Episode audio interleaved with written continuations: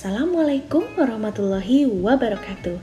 Hai, jumpa lagi di podcast edukasi Celoteh Ayu. Di kesempatan kali ini kita akan membahas materi bahasa Indonesia yaitu iklan media cetak.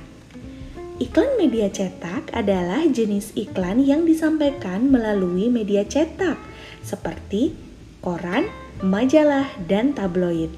Bahasa yang digunakan dalam iklan media cetak singkat, padat, jelas, dan memiliki sugestif atau bersifat memengaruhi. Selain itu, kata-kata yang digunakan berkonotasi positif.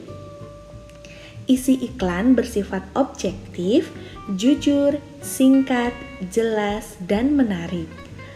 Berdasarkan ruang yang digunakan dalam media cetak, iklan dibagi menjadi tiga, yaitu iklan baris, iklan kolom, dan iklan display. Yuk kita simak apa saja perbedaannya. Yang pertama, iklan baris. Iklan baris adalah iklan yang hanya dibuat dalam beberapa baris. Umumnya terdiri atas beberapa baris dengan luas tidak lebih dari satu kolom. Biayanya relatif lebih murah, dihitung per baris. Untuk menghemat biaya dan semua informasi dapat tersampaikan, bahasa yang digunakan dalam iklan ini umumnya disingkat, penuh makna, dan sederhana. Hal yang diiklankan dalam iklan baris biasanya iklan lowongan pekerjaan, menjual barang, atau menawarkan jasa. Yang kedua, iklan kolom. Iklan kolom adalah iklan yang dibuat dalam bentuk kolom. Iklan ini lebih luas atau lebih besar daripada iklan baris.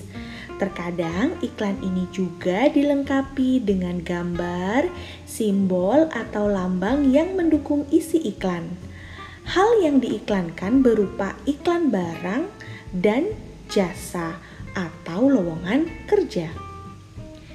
Yang terakhir adalah iklan display.